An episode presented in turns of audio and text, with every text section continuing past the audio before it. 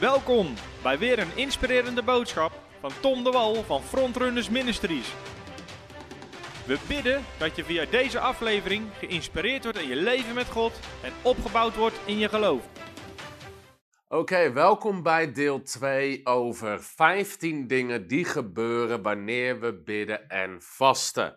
Voordat ik het onderwijs inga, wil ik even een paar, uh, ik denk misschien maar één mededeling, heel even met je delen. En dat gaat over onze Revival Week, die we hebben van 28 februari tot en met 4 maart. Als je nog niet hebt opgegeven, zorg dat je erbij bent. Op maandagavond, als ik het goed zeg, doen we een bevrijdingsdienst. Op dinsdagavond doen we een genezingsdienst. We hebben overdag hebben we genezingsseminars uh, en bevrijdingsseminars waar we je trainen in genezing en bevrijding. Op donderdag hebben we een middag voor de doop in water en de vervulling met de Heilige Geest en het spreken in tongentaal. Dus als jij nog niet gedoopt bent in water, niet vervuld bent met de Heilige Geest of nog niet spreekt in tongentaal, registreer je voor die donderdag. We gaan meer dan 40 mensen dopen. Al meer dan 40 mensen hebben aangegeven dat ze gedoopt willen worden in water. Al bijna 200 mensen hebben zich opgegeven die voor het eerst willen gaan spreken in tongentaal of die vervulling van de Heilige Geest willen ontvangen. Dus geef je daarvoor op. En woensdag, donderdag en vrijdagavond doen we revivalavonden samen met Catherine Crick. De link staat uh, in onze Instagram. Uh, maar de link staat ook hier in de reacties. Je kan het ook via onze website vinden. Dus dat willen we gewoon nog één keer heel graag bij je onder de aandacht brengen. Ik weet zeker, het gaat echt een geweldige week worden. Waarin we de glorie en de heerlijkheid van God gaan zien. Dus dat eventjes nog vooraf. Oké, we zijn bezig met het onderwerp bidden en vasten. Dit is de derde uitzending en ook de laatste uitzending die ik hierover wil doen. En ik wil nog steeds behandelen 15 dingen die gebeuren wanneer we gaan bidden en vasten. En ik bid dat ik het vandaag ga redden, dus ik ga er wat sneller doorheen. En ik wil ook even heel kort samenvatten uh, waar, uh, waar we gebleven zijn, zodat iedereen erbij is. Nou, wat doet vasten? Wat gebeurt er wanneer we tijd apart zetten om te bidden en te vasten? Dus ik sla nu even helemaal over. Wat is vasten? Hoe zit dat met niet eten? Dat heb ik in die andere video's ruimschoots behandeld. En ik wil aan het eind tijd nemen voor vragen. Nummer 1.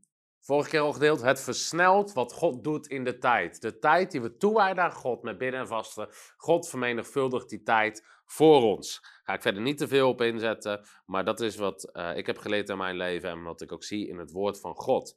Nummer 2. Het zet Gods kracht vrij voor grotere wonderen en tekenen.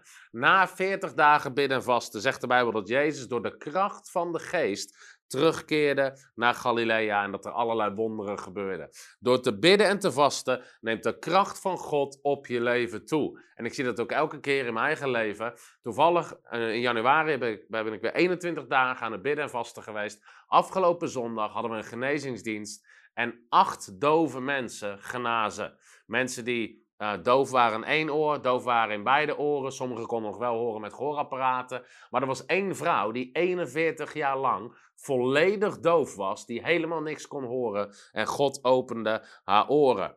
Een uh, kreupele man kon lopen, een vrouw met een stalen plaat in haar nek, die haar nek niet kon bewegen, uh, kon weer bewegen. Wonder na wonder na wonder gebeurde. En een van de dingen wat daarmee te maken heeft, is de kracht van God die vrijkomt wanneer we bidden en vasten. En daarom moet dat een patroon zijn in je leven om God te zoeken in bidden en vasten. Heb ik vorige keer ook al over gedeeld. Nummer drie, het zorgt voor grotere gebedsverhoringen. Jezus spreekt erover in Matthäus 6. Wanneer u bidt, wanneer u vast, doe het dan zo, zegt hij. En de Vader die in het verborgene ziet, zal u in het openbaar vergelden. Dus het zorgt ervoor als het ware dat we krachtiger zijn in bidden. Nummer 4, dit is nog steeds de samenvatting van de vorige keer. Het maakt je minder afhankelijk van natuurlijke omstandigheden. Wanneer je leert te bidden en vasten, wanneer je leert om je lichamelijke honger te negeren, dan leer je dat je niet zo afhankelijk bent van natuurlijke omstandigheden als je vaak denkt. We denken dat ons lichaam het constant nodig heeft om gevoed te worden en die verlangens te voeden. Maar bidden en vasten leert ons dat onze geestelijke mens belangrijker is dan onze natuurlijke mens. Het openbaart het vlees en het legt het vlees het zwijgen op. Nummer 5. Vaste kruisigt je vlees. Vaste kruisigt je vlees. Jouw vlees heeft allerlei verlangens, maar de Bijbel zegt dat we onze vlees met zijn hartstochten en begeerten moeten kruisigen. Dat dat langzaam moet sterven in ons leven, zodat we sterker leven vanuit de geest. En um, daarom um, ook dat doet bidden en vasten, het kruisigt je vlees. Ik zie in de reactie en vragen of ik ook in Zeeland preek. Ik ben toevallig afgelopen keer twee keer naar Zeeland geweest. één keer naar Vlissingen en één keer naar een andere plek in Zeeland. Die ik nu, waar ik nu even niet op kan komen. Ehm, nummer 6. Je gaat boven natuurlijk God horen en visie krijgen. Ik heb vorige keer ook gedeeld over um, Handelingen 13, waar ze aan bidden en vasten zijn. En dan begint de Heilige Geest te spreken. Daarom doe ik ieder jaar aan het einde van het jaar of aan het begin van het jaar tijd apart zetten met bidden en vasten. Om God te horen en visie te ontvangen voor dat jaar. Heb ik ook allerlei andere teksten bij gedeeld. 2 Kronieken 20, vers 20. Uh, dat soort teksten. Nou wil ik verder gaan. Hier was ik gebleven. Dus vanaf hier ga ik weer verder. En we gaan proberen in de komende drie kwartier te behandelen de andere 7, 8 punten. Wat doet vasten nog meer? Als je tijd apart zet om te bidden en te vasten, een van de dingen die vasten doet, is het vernedertje onder de machtige hand van God. Vasten zorgt voor vernedering. Je vernedert je. Je zegt tegen God: Heer, ik heb u nodig. Ik verwacht het van u. Ik verwacht mijn hulp, mijn, de leiding, de levensrichting, de kracht verwacht ik niet van natuurlijke dingen. Ik verwacht het van u. En de Bijbel zegt ontzettend vaak: verneder je voor de Heer en Hij zal u verhogen. Er zijn heel veel teksten tegen hoogmoed en er zijn heel veel teksten voor nederigheid. En de belofte is constant dat wanneer wij ons vernederen, dat God ons zal verhogen. Dus vaste vernedert je. En er zijn teksten, bijvoorbeeld Psalm 35, waar staat: Ik vernederde mij met vasten. Vers 13. En mijn gebed kwam telkens terug in mijn binnenste, alsof het mijn vriend was of mijn broeder. Zo liep ik steeds rond. En dat is ook mijn ervaring. Als je gaat bidden vasten, je gebed komt telkens terug in je geest. Dat gebed blijft maar terugkomen. Die schreeuw naar God, dat verlangen naar God. En je maakt je nederig. Je zegt, Heer, ik heb u nodig. Meer dan natuurlijke omstandigheden. Ook in Esra 8, ik ga de teksten alleen vanwege de tijd gewoon even opnoemen.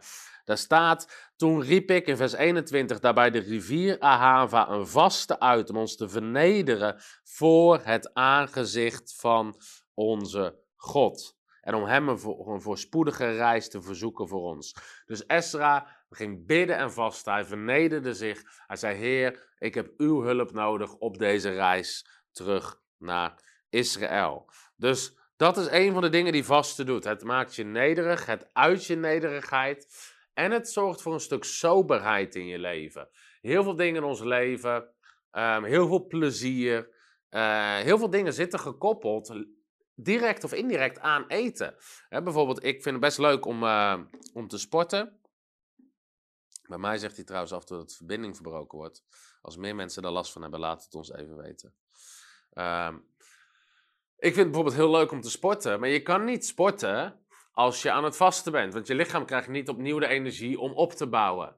Um, je kan, weet je, met vrienden afspreken. Gaat vaak rondom wat gezelligheid, wat eten, wat drinken. Dat soort dingen vervallen. Zelfs simpele dingen, zoals, weet ik veel, met je vrouw een film kijken of wat dan ook. Heel vaak heb je, heb je iets lekkers erbij. Heel veel dingen in ons leven draaien om eten. En als je gaat vasten, zorgt dat voor een bepaalde soberheid. Ook omdat je, je verlangt in je geest nog meer naar Gods aanwezigheid. Je zet daar tijd voor apart. Je sluit jezelf op in je binnenkamer. En een hele hoop andere dingen vallen weg in je leven. En het zorgt voor een stuk soberheid, wat heel erg goed kan zijn in ons leven. En wat dat betreft, waarom maakt vasten je nog meer uh, nederig? Omdat het, je kan het noemen, vrijwillig zwak zijn. Vasten is vrijwillig zwak zijn. Jouw lichaam wordt wat zwakker in het natuurlijke. Sommigen hebben minder energie. Hoe meer je het doet vasten, hoe, hoe, ook weer hoe minder dat is. Want je lichaam bent eraan. Maar je hebt soms minder energie. Je bent soms wat meer moe. Uh, je voelt dat je lichaam sneller op is. Uh, of wat dan ook. Maar dat is, je, bent, je kiest ervoor om vrijwillig zwak te zijn. Om het niet te verwachten van je eigen kracht. Maar juist te verwachten van de kracht van God. En daarom is vasten zo ontzettend krachtig. Wat doet vast nog meer? Nummer 8. Het zet roepingen, bestemmingen en gaven vrij. In Handelingen hoofdstuk 13, misschien kunnen we deze wel even van boven op de camera hebben. In Handelingen hoofdstuk 13, dan zien we dat ze in Antiochië komen ze samen om de Heren te zoeken. En dan staat er, en er waren daar in Antiochië in de gemeente al daar enkele profeten en leraren, namelijk Barnabas, Simeon, die Niger genoemd werd, Lucius van Cyrene, Manahen, die met Herodes de viervels was opgegroeid, en Saulus. En terwijl zij de heren dienden en vasten, zei de Heilige Geest, zonder voor mij zowel Barnabas als Saulus af voor het werk waar ik ze voor geroepen heb, voor het werk van de bediening waar ik ze voor geroepen heb. Toen vasten en baden zij, en nadat zij hun de handen opgelegd hadden, lieten zij hen gaan. Ik heb de vorige keer ook al gezegd, voor handeling hoofdstuk 13 worden Paulus en Barnabas nergens apostelen genoemd. En vanaf dit moment worden ze apostelen genoemd. En dus vanaf handelingen 13 worden ze apostelen genoemd. De roeping van apostelschap werd vrijgezet in het leven van Paulus op dit moment en Barnabas. En vanaf dit moment werden ze erkend als apostelen. Dat gebeurde terwijl meerdere mensen die bevestiging ontvingen, ze uit werden gezonden vanuit de lokale gemeente met handoplegging en ze werden uitgeroepen tot apostelen voor het werk van de Heer. Nou, dat is belangrijk om te beseffen. Ook even om te zien dat Paulus, als je hier nog een keer de tekst goed bekijkt, staat er, waren er enkele profeten en leraren, namelijk Barnabas, Paulus, etc.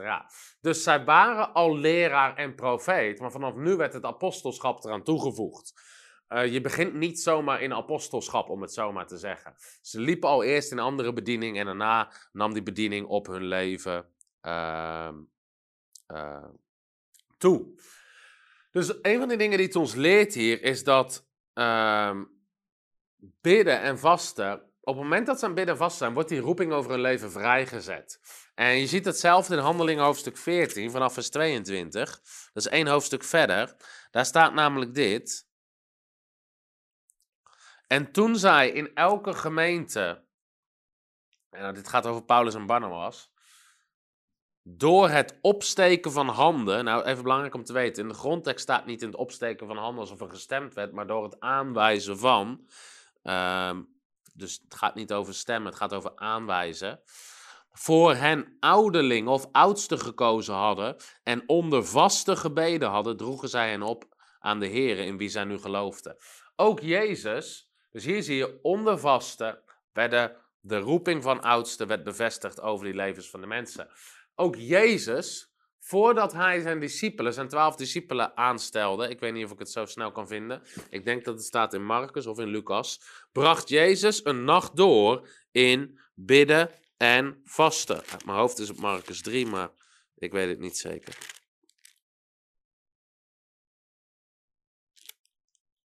Denk het niet. Nee. Maar er staat, dan is het in Lucas, dat Jezus bracht de nacht door in bidden.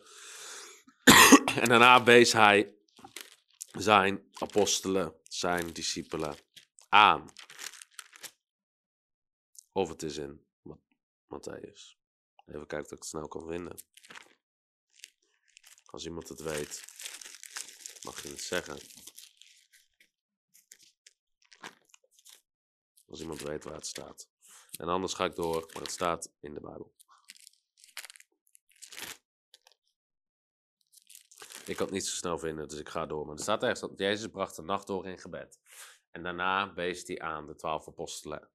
Dus uh, tijd apart zetten voor gebed in combinatie met vasten zorgt ervoor dat roepingen en bestemmingen over je leven vrijgezet worden. Dat dat naar boven komt. Waarom? Je geeft geen aandacht aan het vleeselijke, aan het natuurlijke. Maar wat God in het geestelijk op je leven heeft gelegd, komt naar boven. Nummer 9, deze vind ik interessant. Matthäus hoofdstuk 17. Wat vasten doet, is vasten rekent af met ongeloof. Door te vasten reken je af met ongeloof. Nou, dit vind ik een hele interessante tekst. Matthäus 17 is het verhaal waar de discipelen proberen de maanzieke jongen te genezen, maar het lukt hun niet. En dan zegt Jezus dit. In vers 19. Daar staat, toen kwamen de discipelen bij hen, bij Jezus. En ze zeiden toen zij alleen waren, toen zeiden zij, waarom konden wij hem niet uitdrijven? Waarom lukt het ons niet om de jongen te bevrijden en te genezen? En Jezus zei tegen hen, vanwege uw ongeloof. Vanwege uw ongeloof. Hij zei niet omdat het niet de wil van God is, Of God heeft een ander plan voor die jongen. Nee, vanwege uw ongeloof. Want, voorwaar, ik zeg, als u geloof had als een mosterdzaad, u zou tegen deze berg zeggen, verplaatsen van hier naar daar. En hij zou gaan en niets zou voor onmogelijk zijn. Maar dit soort gaat niet uit dan door te bidden en te vasten. En datzelfde staat in Marcus hoofdstuk 9. Officieel staat er in de grondtekst in Matthäus 17 staat het vasten niet bij. Maar in Marcus 9 staat dat wel. Dit soort gaat nergens anders uit dan door te bidden en te vasten. Nou, dit is heel interessant. Dus het lukt ze niet. Ze hebben geen overwinning. En over die situatie.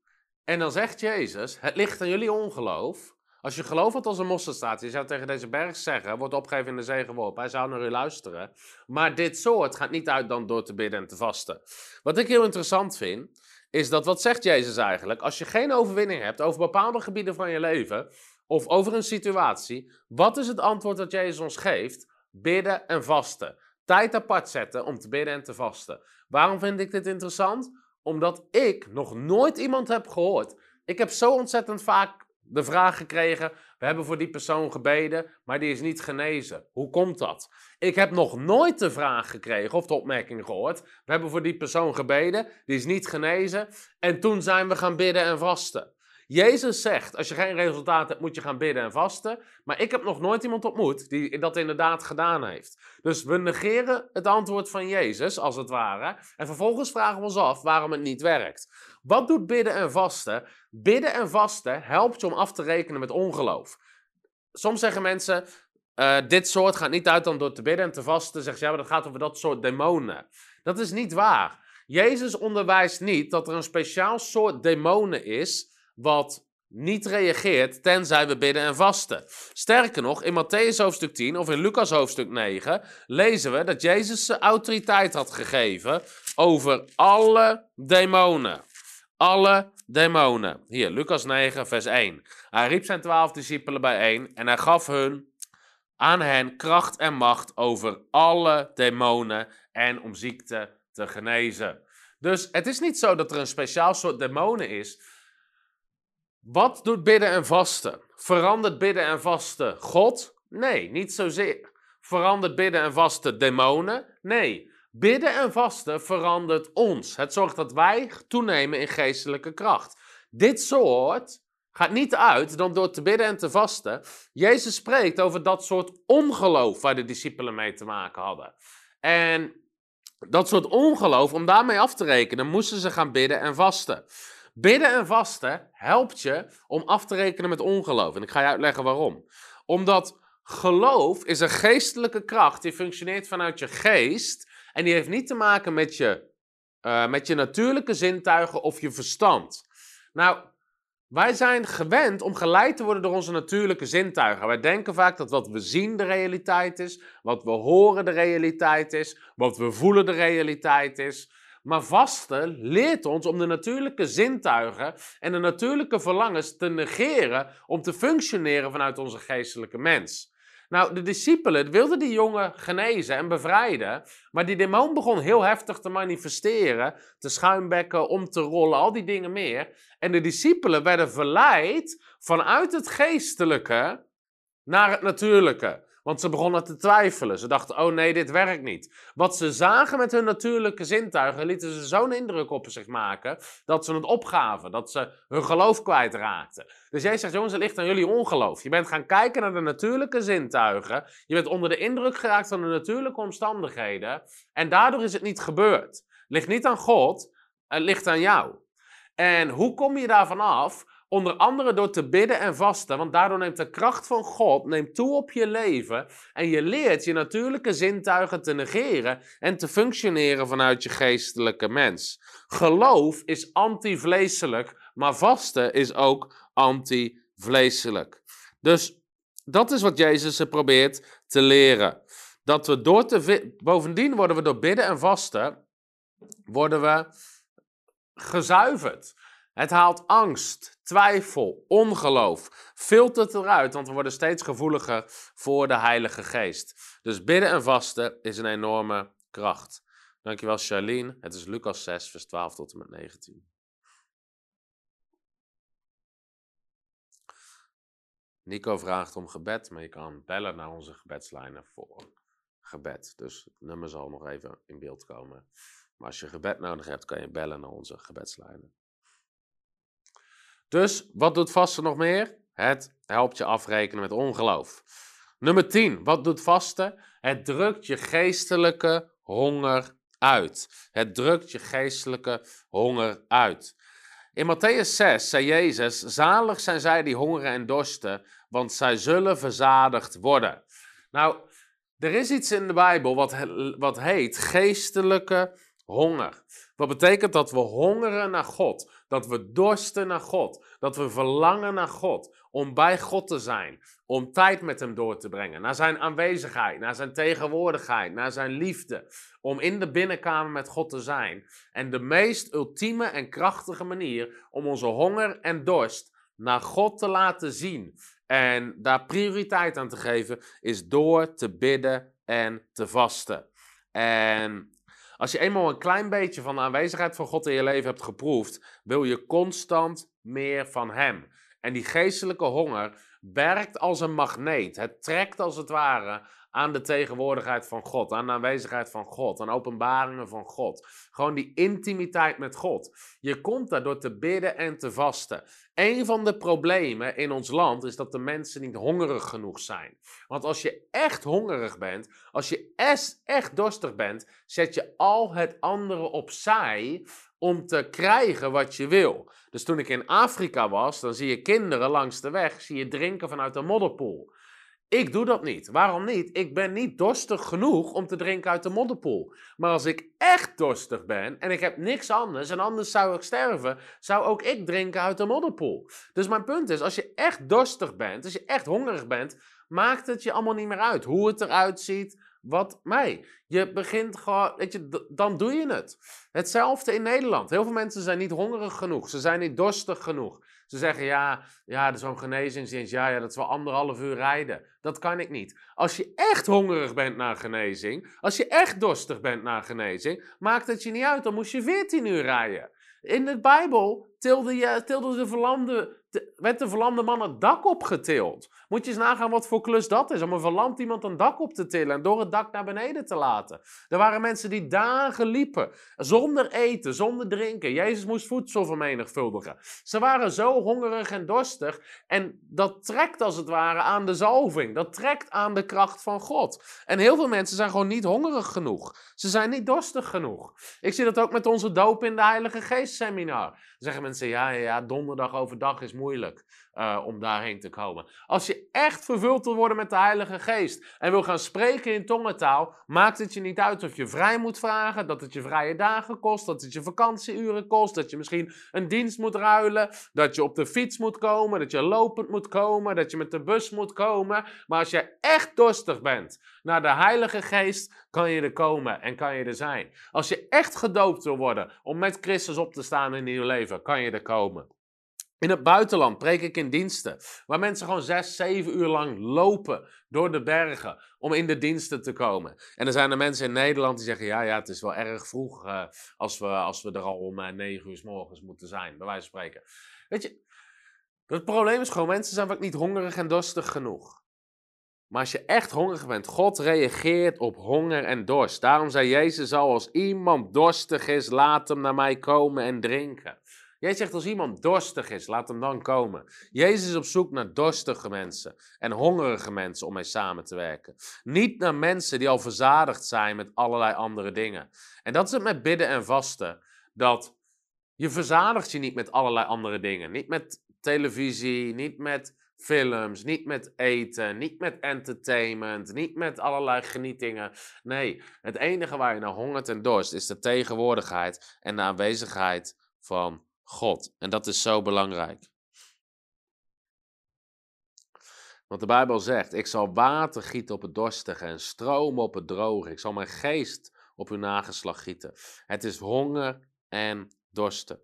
Je wil niet langer. Je bent ergens, ik noem dat een heilige ontevredenheid. Je bent ontevreden over de mate van de aanwezigheid van God in je leven. Weet je, aan de ene kant ben ik God daarom zeg ik heilige ontevredenheid. Aan de ene kant ben ik God dankbaar voor de wonderen die we zien. Mensen doven die genezen, uh, die weer kunnen horen. We hebben blinden gehad die we konden zien. We hebben mensen met kanker die genezen. We hebben mensen die opstaan uit rolstoelen. En aan de andere kant zit ik niet waar we moeten zitten. We zitten niet wat de standaard voor God is. Want Gods standaard is dat God wil iedereen genezen. En zolang we dat nog niet zien, ligt het niet aan God, maar het leert wij kunnen groeien. Wij kunnen toenemen in geloof en in kracht en in de gaven van de Heilige Geest. Dus ik ben hongerig, ik ben dorstig en daarom zet ik regelmatig tijd apart om te bidden en te vasten, om meer van God te zien.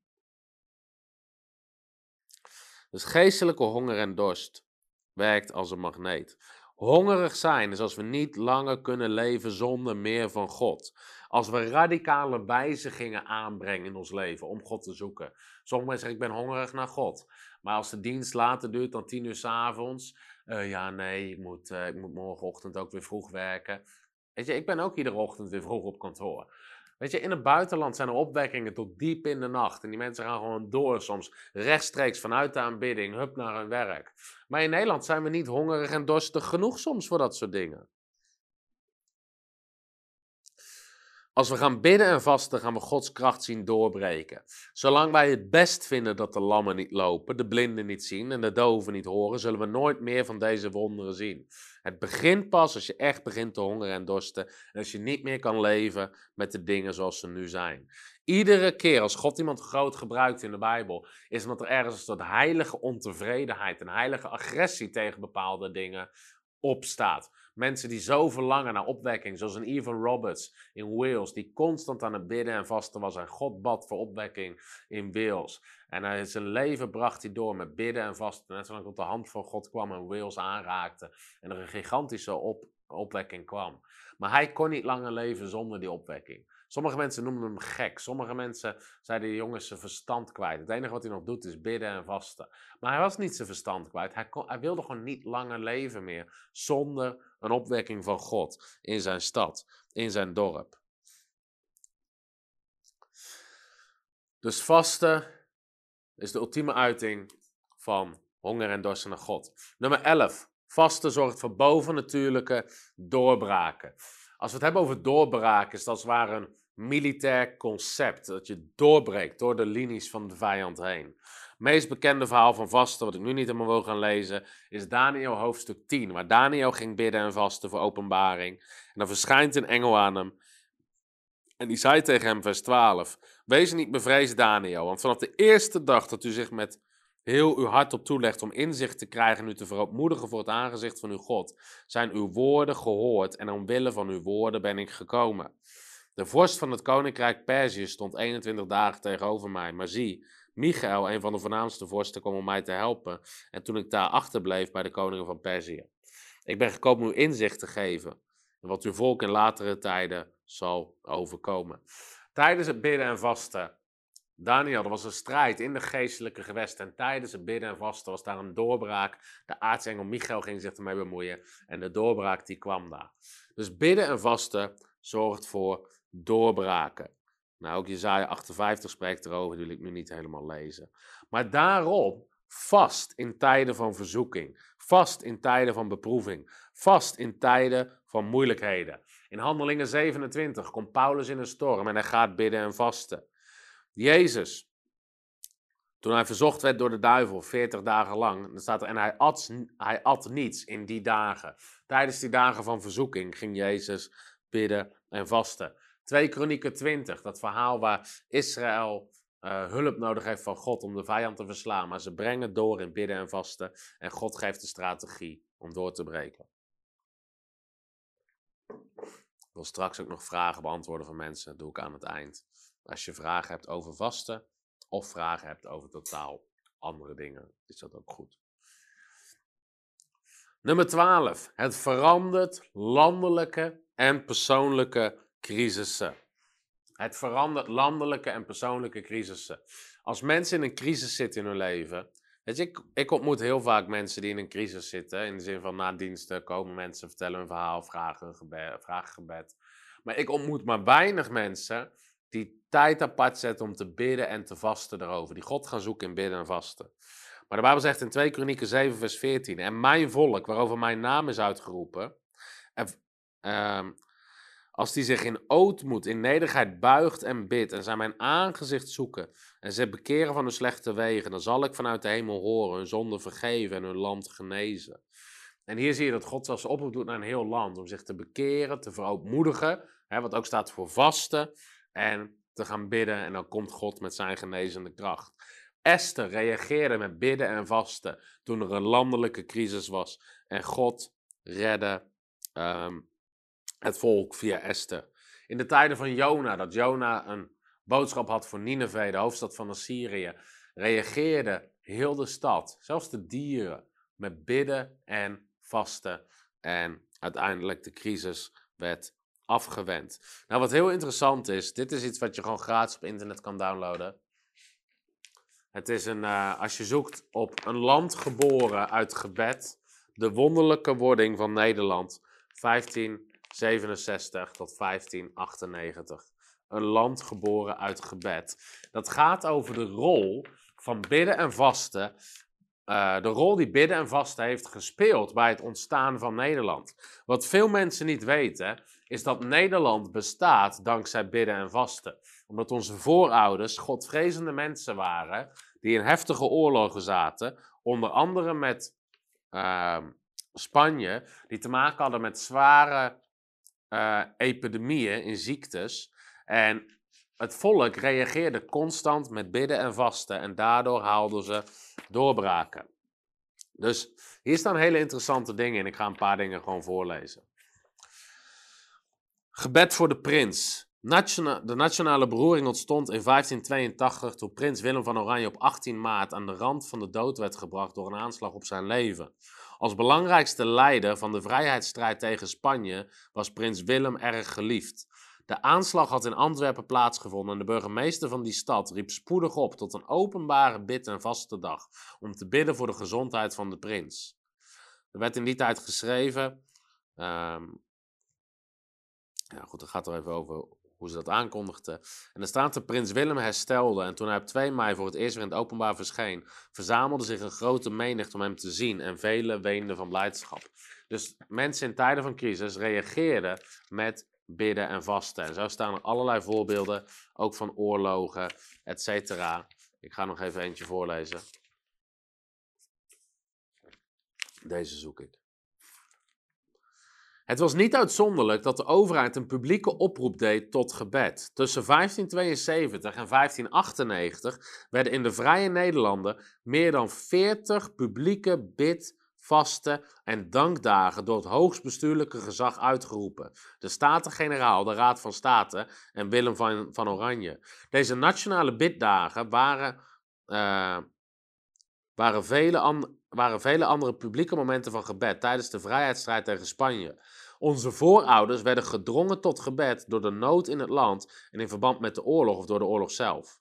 Als zij een bijzondere bevrijding of overwinning meemaakten, was hun eerste reactie om God daarvoor te danken. Een indrukwekkend voorbeeld daarvan is wat er gebeurde in 1574. In dat jaar werd de stad Leiden maandenlang belegerd door de Spaanse troepen, zodat de bevolking uiteindelijk gekweld werd door honger en de pest. Het stadsbestuur riep in die periode de Leidse bevolking viermaal op tot gebed. Op zondag 3 oktober 1574 was er onverwachts een doorbraak, waardoor de troepen van de prins de stad konden bereiken en de bevolking kon voorzien voor voedsel. Meteen daarop gingen de geuzenadmiraals en de manschappen samen met de burgers naar de Pieterskerk, waar zij God geloofd en geprezen hebben voor de wonderlijke uitredding. Diezelfde middag woonde de prins in Delft een kerkdienst bij toen hem het bericht bereikte dat Leiden ontzet was. Hij lichtte de predikanten in die de gemeente voorging in dankzegging. Het nieuws ging als een lopend vuurtje door Delft en de twee grote kerken van Delft raakten vol met mensen die spontaan God dankten voor deze goede tijding. Net als in de dagen van Nineveh zochten aan het eind van de 16e eeuw Nederlanders van hoog tot laag hun heil bij een, bij een barmhartige God.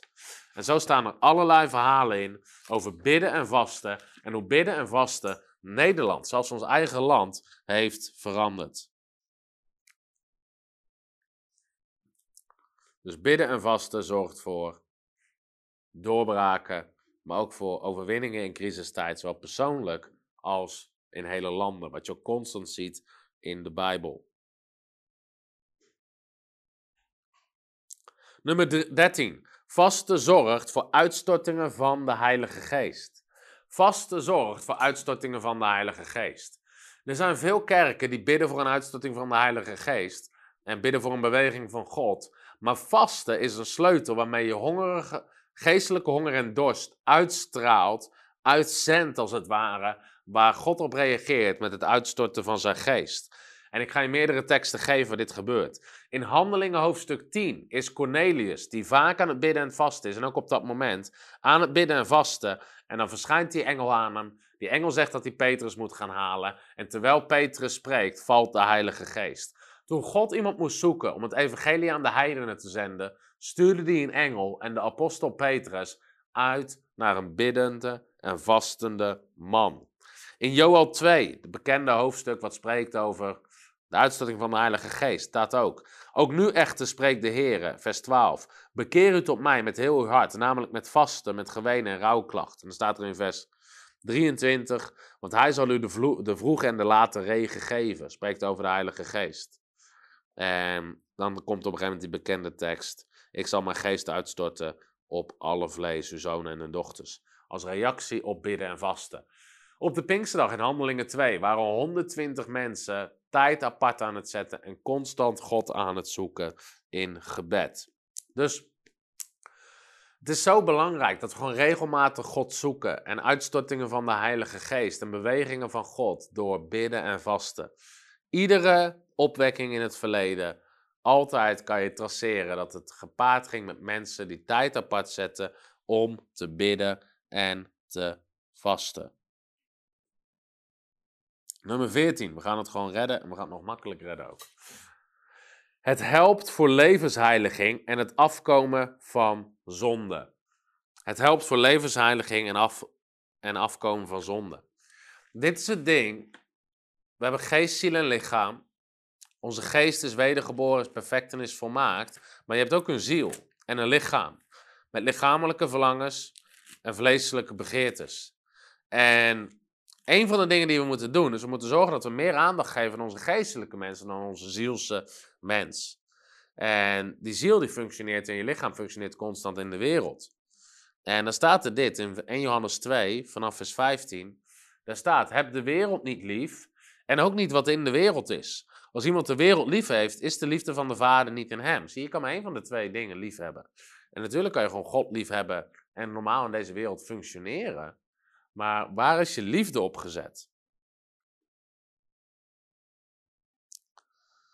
Want al wat in de wereld is, is de begeerte van het vlees, dus wat ons vlees begeert, de begeerte van de ogen, wat onze ogen begeren, en de hoogmoed of de trots van het leven.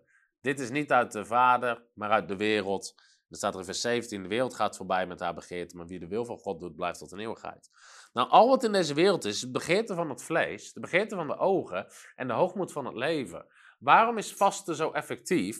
Omdat het helpt je om voor levensheiliging en het afkomen van zonde, want je kiest er bewust voor om jouw geest sterker te laten zijn dan wat jouw vlees verlangt, de begeertes van het vlees, ook de begeertes van de ogen. En weet je, ook zodra je ogen iets zien van eten of wat dan ook, dan Weet je, jouw ogen zijn, zijn als het ware een poort naar je ziel. Het komt daardoor binnen, daardoor ga je erover nadenken. En dan staat er, in de hoogmoed van het leven. Terwijl vasten verootmoedigt je, het vernedert je. Het zorgt ervoor juist dat je afkomt van je eigen kracht en je eigen kunnen. Je verwacht het juist van God. Paulus zegt in 1 Korinthe 9, vers 24, dat is ook de tekst waar frontrunners vandaan komt. Toen zegt hij, weet u niet dat we allemaal in de wedloop lopen, eh, maar dat maar één iemand de prijs ontvangt? Loop dan zo dat u de prijs ontvangt. En dan zegt hij ook over zichzelf in vers 27: Ik oefen mijn lichaam op harde wijze en maak het dienstbaar. Paulus zegt: Ik ben streng naar mijn lichaam. Ik maak het dienstbaar aan mijn geest en aan de roeping die God heeft voor mijn leven. In andere woorden, ik, ik overwin mijn vleeselijke verlangens of de dingen die mijn vlees wil, om juist mijn roeping te bereiken. Ook Jezus wist. Jezus zelf zei: uh, Weet je, het vlees is zwak. De geest is wel gewillig, maar het vlees is zwak. Nou, wat vasten doet, het helpt je voor een stuk levensheiliging. Want je geestelijke mens wordt sterker en sterker en die ben je aan het voeden. En je leert om nee te zeggen tegen je vleeselijke verlangens. En je zegt tegen je vlees, jij bent niet de baas, Mijn wedergeboren geest is de baas. En die bepaalt. En die stuurt mijn leven. En je filtert en je heiligt je ziel. En allerlei dingen komen naar boven als je gaat bidden en vasten. Die je juist dan kan. ehm, waar je juist mee kan afrekenen. Ons innerlijk protesteert veel harder en, veel, en verlangt veel harder naar iets dan we gedacht hadden. Zolang we ons vlees niet ontzeggen, beseffen we niet hoe luid het protesteert als dat wel gebeurt. Daarom is vasten zo goed. En vasten staat ook haaks op onze westerse voel, je goed cultuur. We leven in de veronderstelling dat we ons hele leven volledig aan God. Als je vraagt wie heeft zijn hele leven volledig aan God onderworpen. Als je dat vraagt in een kerkdienst, weet je, wie gaat helemaal voor God. Al die dingen meer. Dat steken heel veel mensen hun hand op. Maar de werkelijkheid is dat heel veel mensen hun leven verstikt worden om effectief God te dienen. Gewoon door hoe ze hun hele leven hebben ingedeeld. Met allerlei, eh, met werk, entertainment, eten, gemak, plezier, hobby's, social media, allerlei dagelijkse verplichtingen, of het nou familieverplichtingen zijn, zakelijke verplichtingen, hobbyverplichtingen, allerlei bezigheden. We zijn soms geestelijk zo afgestompt dat we het niet eens doorhebben. Dat we denken we leven helemaal voor God, maar als we eens kijken even hoe ziet onze, onze week eruit, dan gaat nog geen 3% van onze tijd soms naar tijd doorbrengen met God of het koninkrijk van God bouwen. Terwijl we wel denken we hebben ons hele leven overgegeven aan God. En daarom is het soms goed om te vasten, om gewoon je ziel te zuiveren en ook constant die prioriteiten goed te houden. Weet je, ik geloof ook dat dat de reden is dat God veel van zijn dienaren in de woestijn trainde. Omdat in de woestijn is niks anders en dan leer je gewoon volledig op God te vertrouwen. Hè, Mozes was in de woestijn, David was getraind in de wildernis, Jozef ging door een woestijnperiode, Elia trok de woestijn in, Johannes de Doper leefde in de woestijn, Paulus bracht jaar door in de woestijn, Jezus ging naar de woestijn toe om te vasten. Soms is het goed om een woestijn te creëren in je leven. En je hoeft niet allemaal naar een woestijn toe in Dubai of Israël, waar je graag heen wil. Maar gewoon andere dingen wegbannen die ons afleiden, die ons misleiden, die ons soms zelfs misbruiken als het ware, onze tijd en onze aandacht. En gewoon met God zijn. Daarom zegt Hooglied hoofdstuk 8, vers 5, staat, even kijken of dat ik die snel kan vinden. Hooglied 8, vanaf vers 5 gevonden. Wie is zij die daar opkomt uit de woestijn, leunend op haar liefste? Nou, hier gaat het erom dat de Ooglied is natuurlijk een boek wat spreekt over de liefde, maar hier komen ze uit de woestijn, leunend op haar liefste. Ook in de geestelijke, soms maken mensen in het geestelijke een soort woestijnperiode mee, dat het droog voelt en doorvoelt. Maar dat is juist dat je leunend op, op de liefste, je, leunend op God, leunend op Jezus, daaruit komt. Dat je juist aan Hem vastklampt, op Hem gaat leunen en niet op alle andere dingen. Dus daarom is vasten zo ontzettend goed. Oké, als je vragen hebt over vasten of over andere dingen, stel ze maar. Ik ga ze zo meteen proberen te beantwoorden. Misschien over de Revival Week of wat dan ook. Het vijftiende wat vasten doet, en ik kan dit niet verder nou, uitleggen hoe het precies werkt, ik weet alleen dat het zo werkt, is vasten zet engelen aan het werk. Vasten zet engelen aan het werk. We hebben heel veel teksten gelezen of aangehaald over vasten. Maar als je de Bijbel bestudeert op vasten, zie je heel vaak dat op bijzondere manieren engelen beginnen te werken. Vasten zet dingen om in de geestelijke wereld. En de geestelijke wereld reageert als wij gaan vasten. Matthäus 4, vers 11. Terwijl Jezus daar 40 dagen aan het bidden en vasten is, dan staat er dit. En toen liet de duivel hem gaan en zie, de engelen kwamen en dienden hem. De engelen kwamen en dienden hem. Daniel had ontmoetingen met engelen tijdens het bidden en vasten. In Daniel 19 kan je dat lezen. In Handelingen, hoofdstuk 10.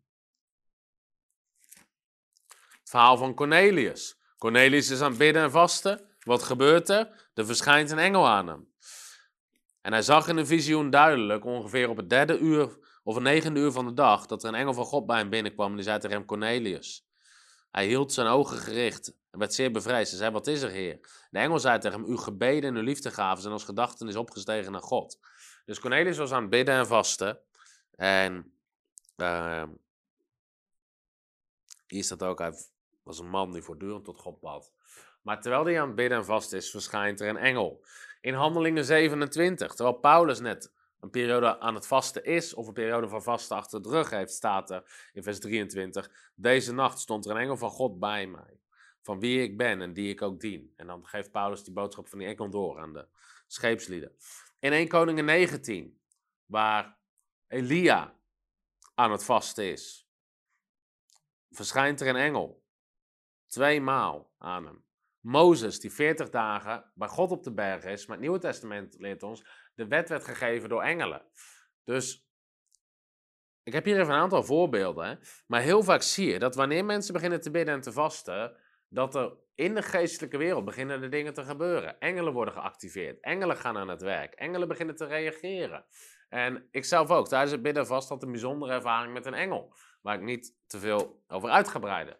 Maar mijn punt is dat ik weet niet hoe dat soort dingen werken. We weten niet hoe alles in de geestelijke wereld werkt. Ik weet alleen dat het zo werkt. En ik zie het in de geestelijke uh, wereld zo werken. Ik zie het in het woord van God. Dat wanneer mensen binnen en vasten, dat engelen aan het werk gaan en dat engelen daarop reageren. Dus dat is het vijftiende punt wat bidden en vasten doet. Hallo, Tom de Wol hier en bedankt dat je weer geluisterd hebt naar onze podcast. Ik bid dat het je geloof gebouwd heeft en je bemoedigd bent. Als je niet alleen een luisteraar van onze boodschap wil zijn, maar ook een verspreider daarvan, wil ik je uitnodigen om partner te worden van Frontrunners. Door jouw maandelijkse donatie help je ons om dit evangelie van Jezus Christus en het woord van God over heel de aarde te brengen. Om partner te worden, ga naar www.frontrunnersministries.nl slash partners en word partner. Hartelijk bedankt en tot snel. Heb je ook zo genoten van deze inspirerende boodschap van Tom de Wal? Abonneer je dan op deze podcast. Volg ons op Facebook en op Instagram en kijk op onze website frontrunnersministries.nl.